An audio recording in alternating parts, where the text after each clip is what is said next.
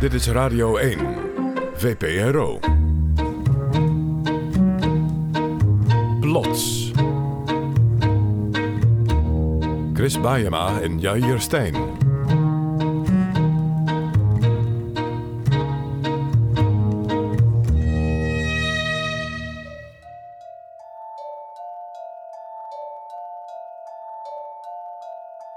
Mijn oma die wou heel graag dat ik met iemand uit de familie zou gaan trouwen.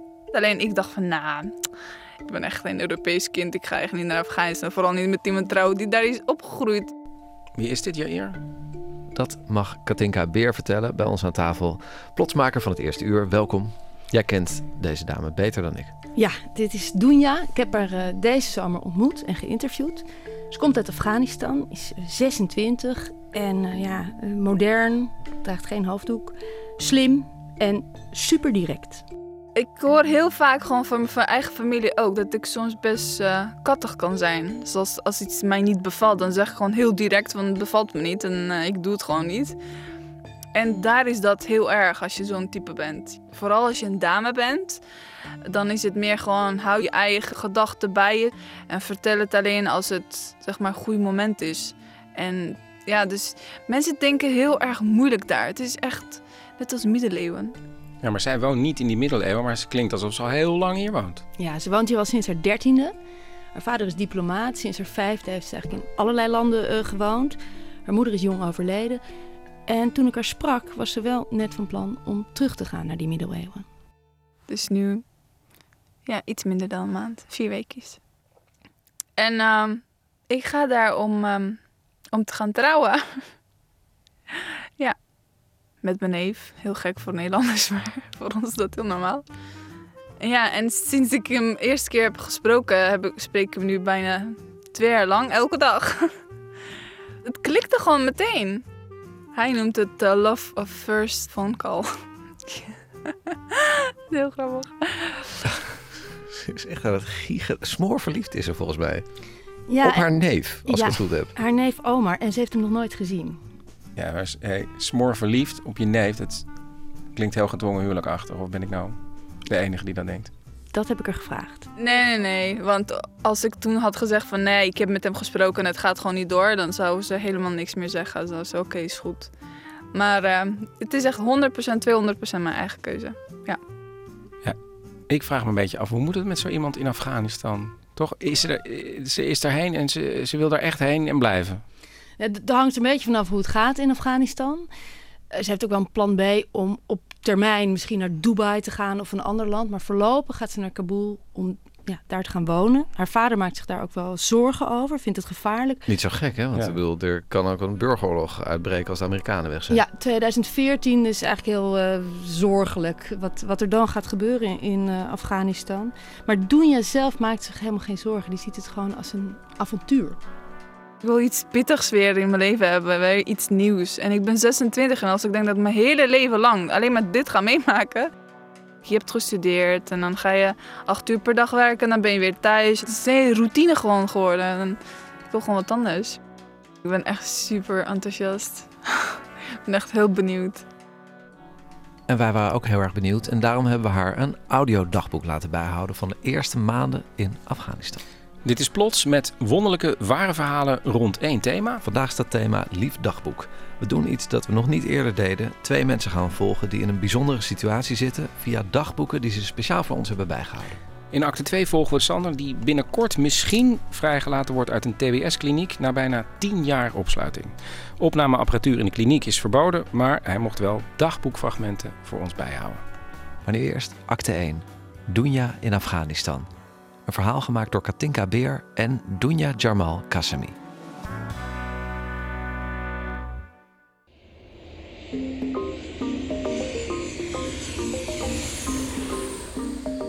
juli.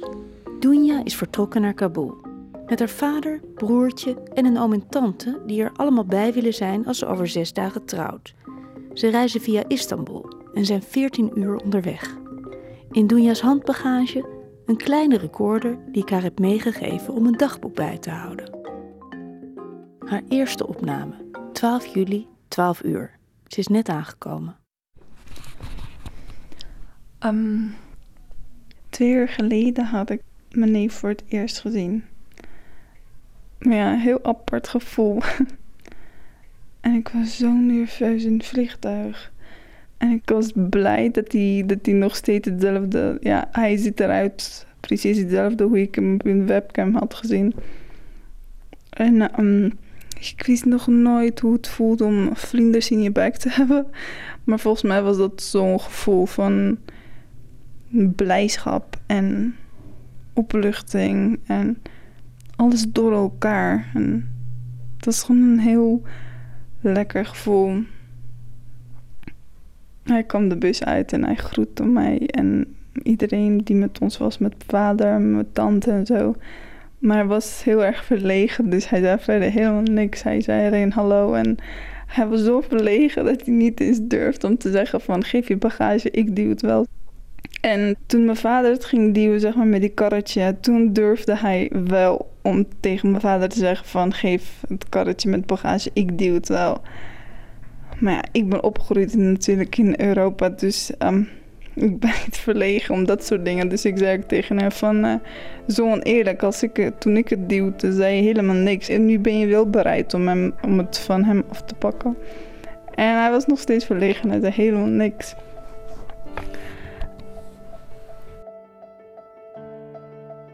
Omar woont samen met zijn ouders en jongere broers en zusje in een dorp net buiten Kabul. Van het vliegveld is het een uur rijden, over afwisselend strak asfalt en wegen vol gaten. Het is een hele toeristische mooie plek. Het is een plek waar een paar weken geleden, tenminste aan de andere kant van de water dan, um, dat aanslag was in een hotel. In Afghanistan heeft het leger een eind gemaakt aan een aanval van de Taliban op een hotel net buiten de hoofdstad Kabul. 17 mensen, onder wie vijf Taliban-strijders, kwamen om het leven. Doenja was nog in Nederland toen die aanslag plaatsvond. Ze zag het op het journaal. Later hoort ze dat er een verre neef bij om is gekomen. Hij was pas 25. Ik heb dat nieuws ook gezien. Legerhelikopters en rookbluimen boven een groen-blauw meer met bergen eromheen. Doenja's uitzicht. Ze heeft vage herinneringen aan Afghanistan, van toen ze er als kind woonde. Een tuin met fruitbomen, fietsen op een plein met haar vader. Nu ze terug is, verbaast ze zich over alles wat ze ziet. Het is zo druk buiten, echt niet normaal. En je hebt allerlei soorten mensen. Je hebt echt van die hele, bijvoorbeeld hele nette mensen die ook daar lopen. Sommigen die dragen burga, anderen dragen gewoon normale spijkerbroek. Die an andere mensen Verkeer in Afghanistan is gewoon één grote pijnhoop. Er zijn gewoon helemaal geen regels. Het is nooit stil hier. Het is overdag en in de avond net zo lawaaiig als in de nacht of als overdag. Overal stof op de auto is stof in je gezicht en overal. Echt elke dag denk ik van ja, nu heb ik alles wat raar is meegemaakt. Dus vanaf nu toe zal het gewoon alles normaal lopen. En dan maak je toch weer iets mee waar je denkt van wauw, dat had ik dus niet geweten.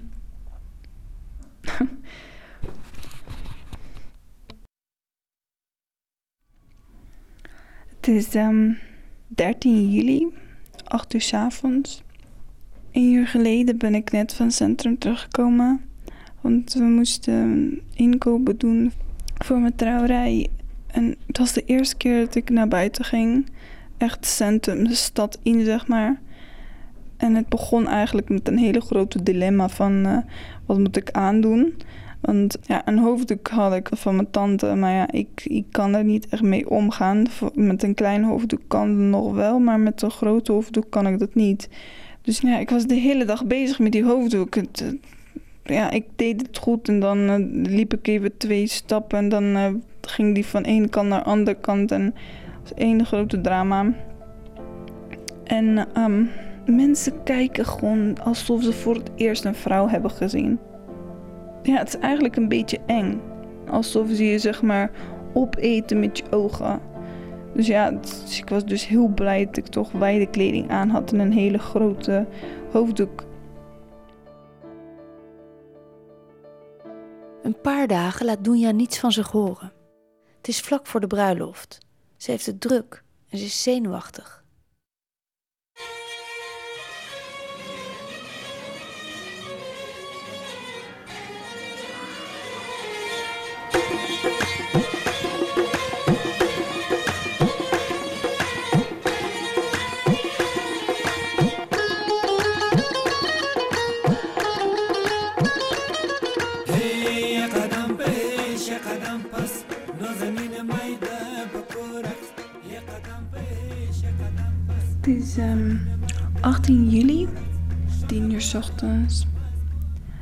En ehm, ik, ben, ik ben thuis in mijn, ehm, in mijn eigen kamer. En het is mijn ehm, eerste dag dat ik getrouwd ben. Eerste ochtend zelfs. En ehm, het was een hele mooie, een hele mooie zaal. Waren heel veel mensen. Het was iets van ehm 300, 400 mensen.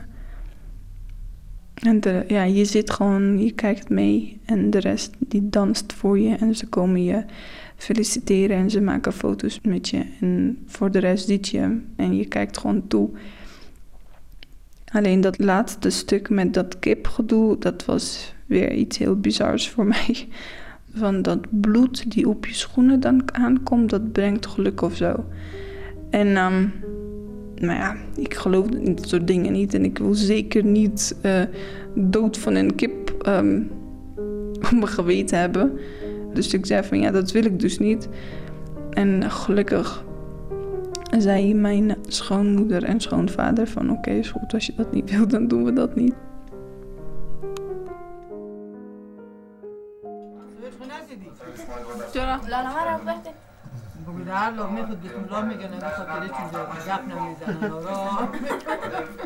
Na de bruiloft is het huis nog altijd vol familie.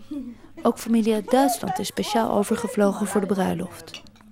Het past allemaal gemakkelijk, want het huis is groot. Tien kamers, zes badkamers. Een klein paleisje noemt Toenje het. Een paar dagen voor de familie weer vertrekt, is er grote commotie in huis. Het is ehm, 31 juli, um, drie uur 's middags. En ehm, ik heb iets heel schrikwekkends meegemaakt. Twee jaar geleden zaten we beneden in een gasthuis. Gewoon praten en thee drinken. En opeens mijn tante die in Duitsland woont. Ze schrok opeens en ze ging schreeuwen. En iedereen schrok mee. En we zagen opeens een heel klein, maar een hele zwarte scorpioen. Die had haar vinger gebeten. En ja, mijn schoonmoeder die ging meteen die scorpioen doodmaken. Maar de vinger van mijn tante was opeens zo opgezwollen. En ja, ze was bijna flauw gevallen. Want ze zeggen dat zwarte scorpioenen heel erg giftig zijn. En ehm, de, de, ja, het dichtstbijzijnde ziekenhuis was een heel islamitisch ziekenhuis van Said, heet het. Mensen die Said zijn, die zijn heel erg ehm, streng gelovig. En ehm, die dokter, hij wou dat zij haarzelf ging prikken, het medicijn in haar vinger. Want hij wou haar niet aanraken. En mijn tante werd heel erg boos. Hè, van hallo, als ik mezelf kon gaan prikken, dan was ik hier niet. En die dokter weer boos van ja, maar dat doe ik niet. Want ja, je bent een vrouw en ik ben een man, ik mag je ook niet aanraken. Maar ja, dus mijn schoonvader die werd ook heel boos. En toen vroeg hij van, is er hier een vrouwelijke arts die dat kan gaan doen? Toen zei hij van, ja, als je naar buiten gaat en daarnaast is een hele andere gebouw. Als je daar gaat, dan is er volgens mij een vrouwelijke arts. En in dat conditie, want eigenlijk is dat heel gevaarlijk, want die gif kan zo snel door je heel lichaam gaan. Maar ja, dus ze bracht haar heel snel naar het andere gebouw. En er was dus gelukkig wel een vrouwelijke arts. En die ging heel snel prikken. En ze is net thuis en het gaat, ehm, het gaat weer goed met haar. En de opzwelling is zeg maar weg. En doet ook niet meer pijn. Maar stel dat ze gewoon een hartstilstand zou krijgen door dat gif van de scorpioen. Maar het maakte die man niet uit, want hij wou haar gewoon niet aanraken omdat het een vrouw is en hij, een man.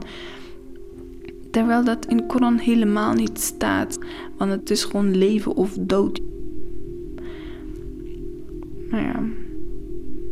Ja, je moet maar hopen dat je niet in een levensgevaarlijke situatie bent. En dat je dan een vrouw bent en je bent terechtgekomen in een ziekenhuis van Saidi mensen. En van, ja, dan eh, laten ze je toch gewoon doodgaan. Maar ze gaan je niet een prik geven, want ze mogen je aanraken.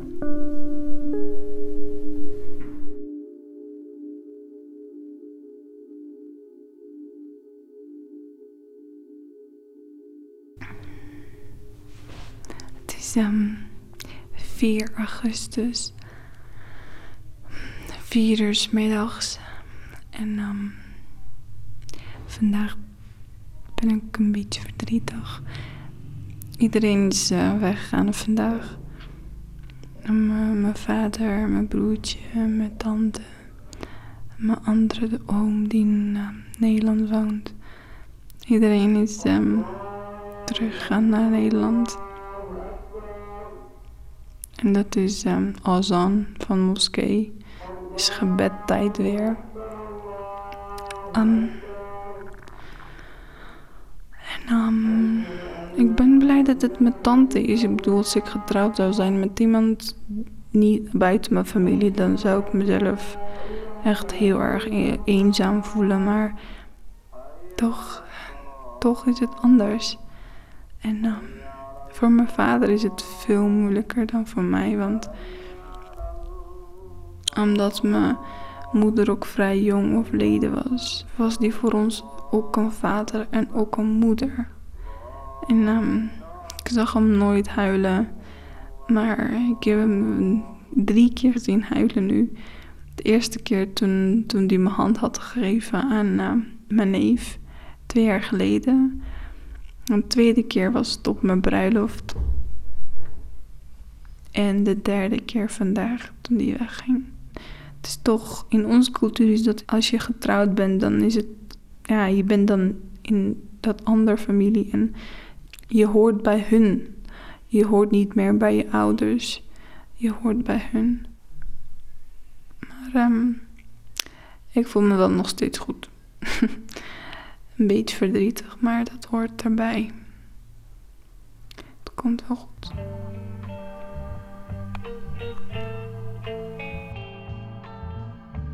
Toen ze nog in Nederland was, vertelde Doenja me dat ze in Kabul op zoek zou gaan naar werk. Misschien wel als vertaler voor een van de talloze internationale organisaties. Ze spreekt vijf talen. Nu hoor ik haar er niet over. Als ik haar aan de telefoon heb en er naar vraag, zegt ze dat het niet is dat het niet mag van haar familie, wat ik vrees. Het mag best. Haar schoonmoeder werkt ook als directeur van een school. Maar Doenja heeft het druk. Ze houdt het grote huis schoon. Tijdens de Ramadan is zij degene die s'nachts opstaat om eten voor iedereen te maken. En ze helpt met het opvoeden van het jongste broertje en zusje van Omar, Haider en Halima, een tweeling van 13. Nee, normaal. normaal. Ik ben zeg maar getrouwd met de grote zoon van dit huis. Met, ja, klinkt heel raar. Maar na mijn tante ben ik dan de tweede vrouw van dit huis. En omdat mm, mijn tante nu zeg maar schoonmoeder is, ben, heb ik veel verantwoordelijkheid om heel veel dingen te doen.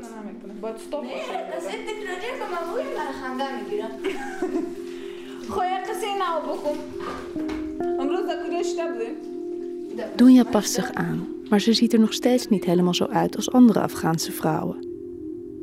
Thuis kan dat, buiten is het wat anders. Ik ging dus één keer met, um, ik had gewoon een broek aan en een, um, en een blouse. De blouse moet hier echt lang zijn, dus tot je knieën. Maar die van mij was tot mijn heup, onder mijn heup zeg maar. En we gingen dus naar buiten. En, en, die, en die jongen, hij was volgens mij 14 of zo. En hij liep naast me. En hij zegt op een gegeven moment tegen mij van... Kon je geen langere blouse aandoen? Op eerste instantie dacht ik van wat? Ik ben je moeder niet en ik ben je zus niet. Dus ga lekker uh, baas spelen over hun. En hij liep gewoon weg. En het, ik was gewoon speechless. Ik dacht van wat... Hoe, hoe kan iemand die mij helemaal niet kent gewoon op straat, durven tegen mij te zeggen dat ik een langere blouse aan moet doen. En dat ook nog een jongen van 14 in godsnaam. Gewoon niet te geloven. Maar ja, niks aan te doen, hè? dat hebben we dan dus hier. Maar ja, dus toen kwam ik thuis en ik was super verdrietig. En daarna zei mijn man van... Ja, zie dat is nou de reden waarom ik tegen je zeg. Draag iets langs. Draag geen strakke dingen. Want dat, soort, dat soort opmerkingen hebben dan niet. En dan kan je gewoon lekker je gang gaan. Lekker shoppen. En niemand zegt wat. En niemand bemoeit zich met je. En toen dacht ik van... Ja, kijk, dat doet hij zelfs eigenlijk voor mijn eigen best wil. Want ik word gewoon super pissig als mensen zulke opmerkingen maken. Doenja is opgelucht over Omers reactie. Want ze blijkt er helemaal niet zo zeker van geweest te zijn dat ze hem in die twee jaar in de telefoon echt heeft leren kennen. Wat heel veel andere Afghaanse mannen hebben, is dat hun vrouw gewoon een ja, soort slaaf is die eten klaarmaakt, die hun kleren wast en die gewoon kinderen baart voor ze. Dat is alles. En ik was zo bang dat hij ook zo iemand zou zijn. En, en dat ik dan zou, ja, ik weet, niet, ik weet niet wat ik dan zou gaan doen, maar ik ben zo blij dat hij niet zo is. Want zoals mijn man zegt van de manier waarop jij soms dingen tegen me zegt, accepteer ik van niemand. Maar ik weet niet waarom dat ik het van jou accepteer. Niet alleen omdat ik zijn vrouw ben, maar omdat hij weet dat ik gewoon zo ben. En ik heb het heel vaak tegen heel veel mensen. Ik heb het niet gedurfd om tegen hun te zeggen dat ik mijn verloofde nog nooit heb gezien. Ik durf dat gewoon niet te zeggen, want iedereen dacht van wat een gekkerd. Hoe kan ze dat nou gaan doen? Ze heeft hem nooit gezien en dan gaat ze met hem trouwen. Ze spoort niet. Maar nu, nu we bijna drie maanden getrouwd zijn en ik toch gelukkig met hem ben en, en hij zo, zo ontzettend lief is. Met een hele grote hart en een hele schone hart dat ik denk van, ja, ik, heb echt geluk.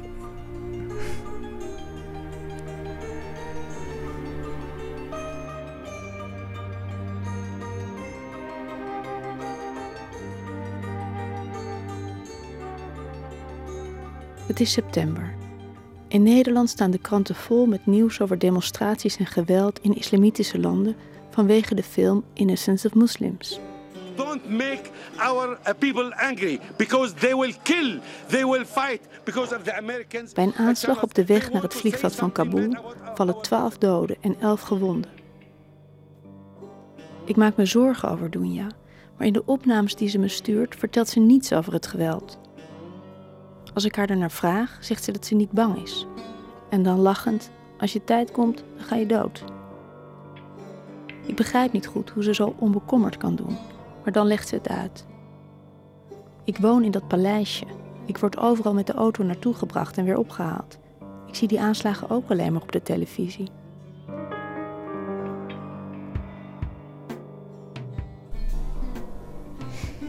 Het is vandaag 21 september en het is um, ehm, 6 uur s avonds.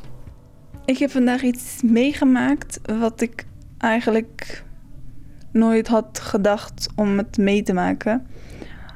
Ik zat vandaag de hele dag thuis en gisteren was ik ook thuis. En ik wou vandaag um, ja, iets, iets gaan doen, niet naar buiten gaan of iets doen. Het was een vrije dag hier. Dus ik zei tegen mijn man: um, Kom, we gaan naar buiten. En mijn man zei van, um, ja, vraag het aan mijn vader. Ik vraag of hij het goed vindt. En ik ging naar mijn schoonvader om eigenlijk om te vertellen dat ik, dat ik van plan ben om even naar buiten te gaan. En um, hij zei van, uh, ja, waar wil je dan naartoe gaan? Ik zei, ja, gewoon hier vlakbij ergens. Hij zei van, het hoeft niet. Jullie kunnen dat op een andere dag doen. Blijf gewoon lekker thuis. En hij zei het gewoon heel serieus, met een hele serieuze blik. Dus het was al voor mij duidelijk dat hij het echt meent. Dat is mijn mening en dit is wat je gaat doen. En toen zat ik te, te denken, ik bedoel, in Nederland, van, vanaf je dertiende of zo, zeg je van, pa, ma, ik ben van plan om dat te gaan doen en ik ben zo terug. En dan ga je gewoon. En ik ben 26. Ik ben getrouwd. En de vader, mijn schoonvader dan, is de baas. Keer op keer probeert Doenja tegen de strenge regels in te gaan. Ik vind het dapper van haar en hoop dat ze op de een of andere manier zichzelf kan blijven en westers kan blijven. Maar Doenja gaat overal steeds minder tegen in. Niet omdat ze het niet meer durft, maar omdat ze het steeds minder vaak wil. Ze heeft inmiddels haar eigen grote hoofddoeken en ze kan ze zo opdoen dat ze blijven zitten. Ja, ik vind, het, ik vind het nu heel normaal. Het hoort als een accessoire erbij. En nu heb ik alle maten en alle kleuren en alle, ja, alle soorten, zeg maar. En dan kies je gewoon iets wat op dat moment bij je outfit past. Ik zou echt denk ik heel erg trauma hebben als het dan niet leuk zou staan. Maar het staat me wel heel leuk. Af en toe krijgt ze nog opmerkingen op straat. Maar ze probeert er niet op te reageren. Want ze weet, Afghanen maken altijd opmerkingen. En zo burgert Dunja langzaam in. Ze wil Afghaanse worden. Meer zoals Omar. Hij zou voor zijn eigen familie, voor zijn moeder, voor zijn vader, gewoon zonder na te denken, gewoon alles doen. Zijn eigen leven geven. Gewoon alles. Zo ontzettend veel houdt hij van zijn familie. En, en van mij ook. Ja, ik hou ook heel veel van hem.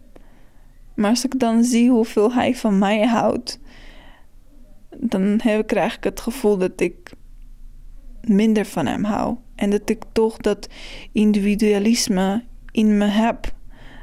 Omdat ik daar zo lang in die samenleving ben opgegroeid. Dat ik dat toch, toch ergens in je achterhoofd hebt. Van ja, het maakt niet uit hoe het verloopt. Ik bedoel, ik red me wel. Maar hij denkt dat niet. Ik ben zijn leven en hij heeft mij, of hij heeft helemaal geen leven. En um, ik moet er nog aan wennen. Dat ik niet altijd mijn zin kan krijgen. En dat ik soms dingen moet doen waar ik eigenlijk helemaal geen zin in heb. Maar dat is iets goeds. Ik vind het iets goeds. Ik wil ook een hele hechte familie hebben met mijn eigen kinderen en mijn man. Dus het is goed.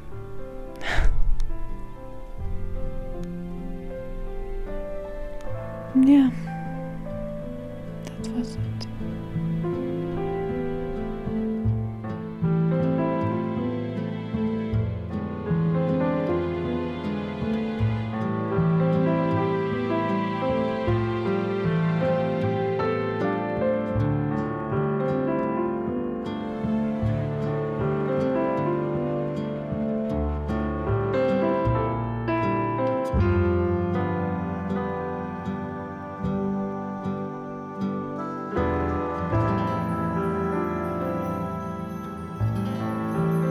Dit, dit vraagt om een vervolg, eh, ja, hier als je hier zit te luisteren. Volgens mij heeft ze de opnameapparatuur gewoon nog, nog steeds in Afghanistan. Dus ik, uh, ik hoop dat we dat voor elkaar kunnen krijgen.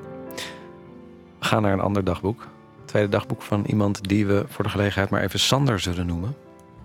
Chris, vertel, uh, wat voor een jongen was dat voordat het misging? een vrolijke, slimme, sportieve jongen. donkere ogen, een kleine jongen, maar heel breed. Um, heeft VWO gedaan. Ging naar de kunstacademie. Niet dat je zegt een doorsnee crimineel. Nee, helemaal niet. Nee. Maar hij zat op de middelbare school, experimenteerde met drugs. En toen ontdekte hij dat hij aanleg heeft voor schizofrenie. Hij raakt in de war, wordt depressief en krijgt steeds meer last van angsten en waanbeelden. En dan maakt ook nog zijn vriendinnetje het uit. Um, Sander hoort steeds meer stemmen in zijn hoofd die hem zeggen dat hij iets verschrikkelijks moet doen. En hij is dan 25. Ja, we kunnen geen details geven over het delict. Maar hij zit nu wel al bijna tien jaar vast. Drie jaar gevangenisstraf heeft hij gekregen. De rest is allemaal TBS. En in die TBS eh, doet hij aan schilderen, judo. Hij studeert klinische psychologie.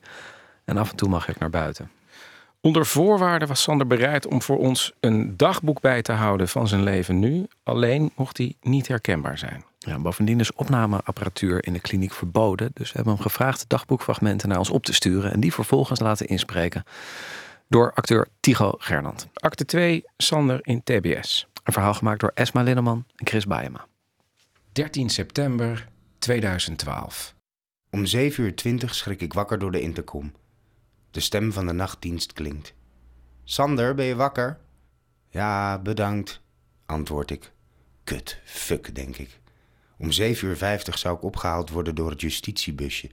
Het is mijn vierde verlengingszitting en ook dit jaar wordt er door zowel de officier als de behandelaar twee jaar geëist. Sander kleedt zich aan. Hij heeft een nieuw pak gekocht. Een groepsbegeleider helpt hem bij het strikken van zijn stropdas.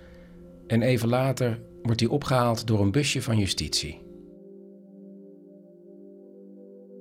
Het is kwart voor twaalf als ik in de justitiecel plaatsneem. In de cel staan kreten van mensen die voor moesten komen, variërend van fuck de police, die en die is een verrader, tot telefoonnummers van mensen die een criminele organisatie willen beginnen. Er is altijd een redelijk goede fouillering. Hoe komen ze toch aan die pennen? Vlak voor de zitting heeft hij nog een overleg met zijn advocaat en zij besluiten om voor verlenging van nog maar één jaar te gaan. Ik kom de rechtszaal binnen. Rechts zitten mijn moeder, stiefvader en schoonzus. Ik mag ze even zoenen van de pakketwachter.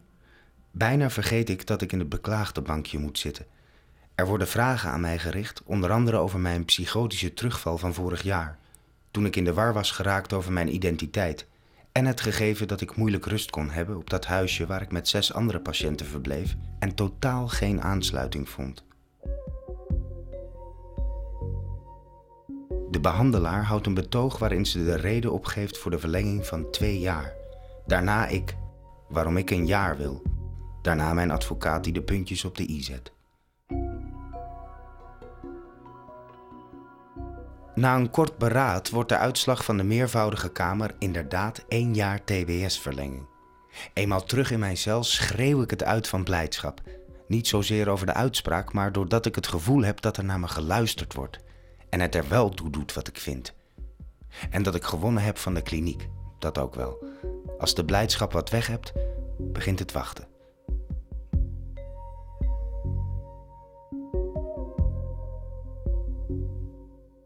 ...20 september. Vandaag had ik alle corvée-taken afgezegd... zodat ik me volledig kon concentreren op mijn tentamen.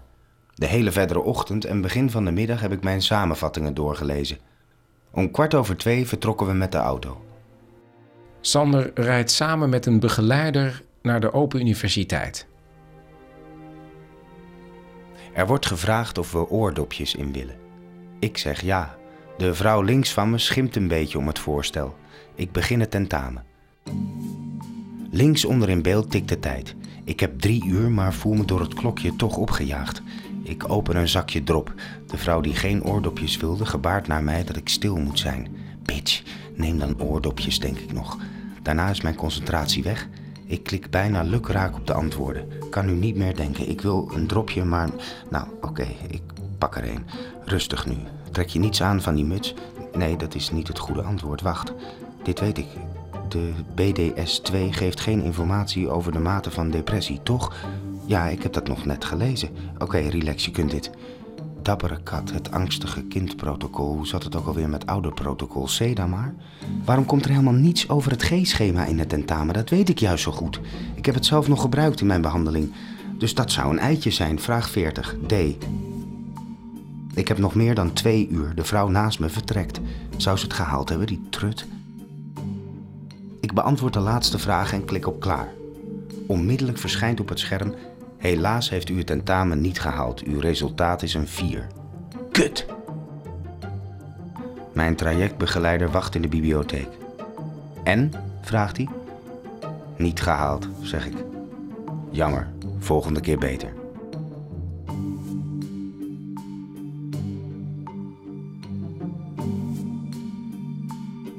...27 september. Ontbijt. Daarna dagopening waarin iedereen vertelt hoe hij geslapen heeft en wat de plannen voor vandaag zijn. Mijn rooster is leeg. Bijna alle therapieën die er zijn heb ik al gehad, dus vul ik mijn dagen met mijn studie, sporten en schilderen. Ik zit vast in een keurslijf en elke spontaniteit ontbreekt. Er mogen geen seksuele contacten zijn binnen de groep en mensen die ik ontmoet moeten eerst door een screening en daarna twee keer begeleid op bezoek. En daarna, ja, daarna wellicht bezoek zonder toezicht waarin misschien seksuele omgang mogelijk is. Wie heeft er nu zin om zo lang te wachten?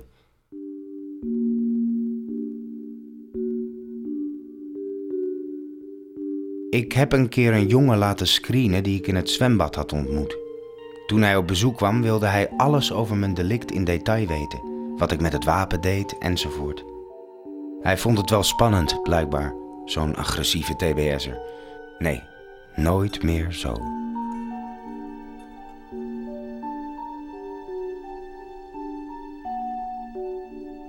3 oktober. Half vijf gekookt.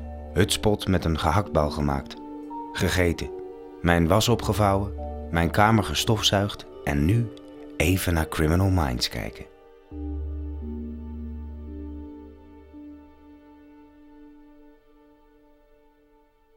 ...10 oktober. De dag begon moeizaam. Ik was gisteravond weer naar judo geweest en lag nadien wakker in bed. Ik twijfelde of ik mijn zo nodige medicatie zou nemen, maar wil die eigenlijk alleen gebruiken bij psychische last, niet als ik fysiek te opgewonden ben om te slapen. Het werd dus half één en één uur en half twee en twee uur heb ik ook nog meegemaakt.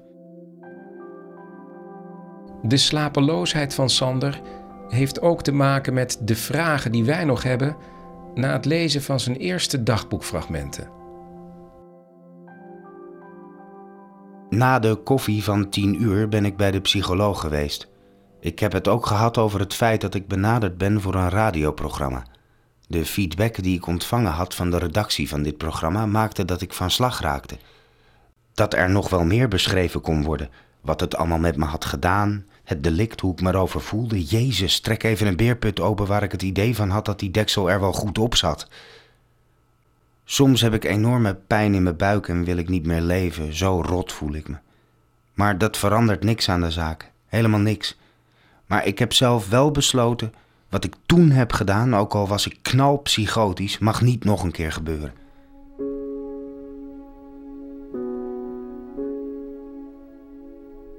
De man stierf letterlijk in mijn handen. Door mijn handen. Verschrikkelijk. De beelden jagen me nog de kamer door. Je was jezelf niet. Nee, dat misschien niet, maar het was wel dit lichaam, dit voertuig wat de daad ten uitvoer bracht. Datzelfde lichaam moet ik nu koesteren en verzorgen en de moeite waard vinden. Ja, ik moet ervan houden, want dat lichaam, dat ben ik. Ook. Dat lichaam ben ik ook. En ik kan mezelf behoorlijk haten om wat dit lichaam allemaal wel of juist niet heeft gedaan.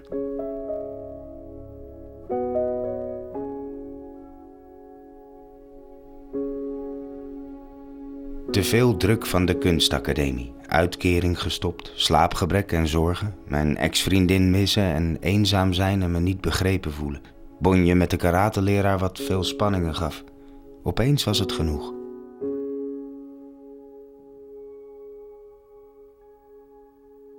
Als kind redde ik kapoentjes, lieve heersbeestjes van de zee, door ze te vangen vlak bij het water en ze vervolgens los te laten in de duinen.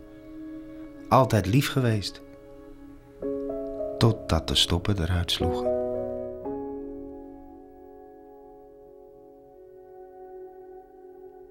Nee, ik ga het niet allemaal vertellen, ook al is die film in mijn hoofd aan het draaien. Ik had mijn medicatie moeten gebruiken. Medicatie overigens die het RIAG me niet wilde geven. Maar goed. Weet je, ik had liever de kogel gehad. Weg uit dit klote leven. Dat heb ik vaak gedacht. Een gezonde vent van 36 en zoveel kwaliteiten, wordt er dan gezegd. Ja, misschien. Ik wil me de moeite waard voelen, dat wel. En ik probeer alles uit het leven te halen, omdat elke dag misschien de laatste is. Dat ook. Ik zal niet gauw iemand anders pijn doen. Dat niet. Dat is wel voorbij. Ik wil niet nog meer op mijn geweten hebben dan wat ik heb. Dat is al meer dan genoeg. En of het minder wordt als je het deelt, dat is nog maar de vraag.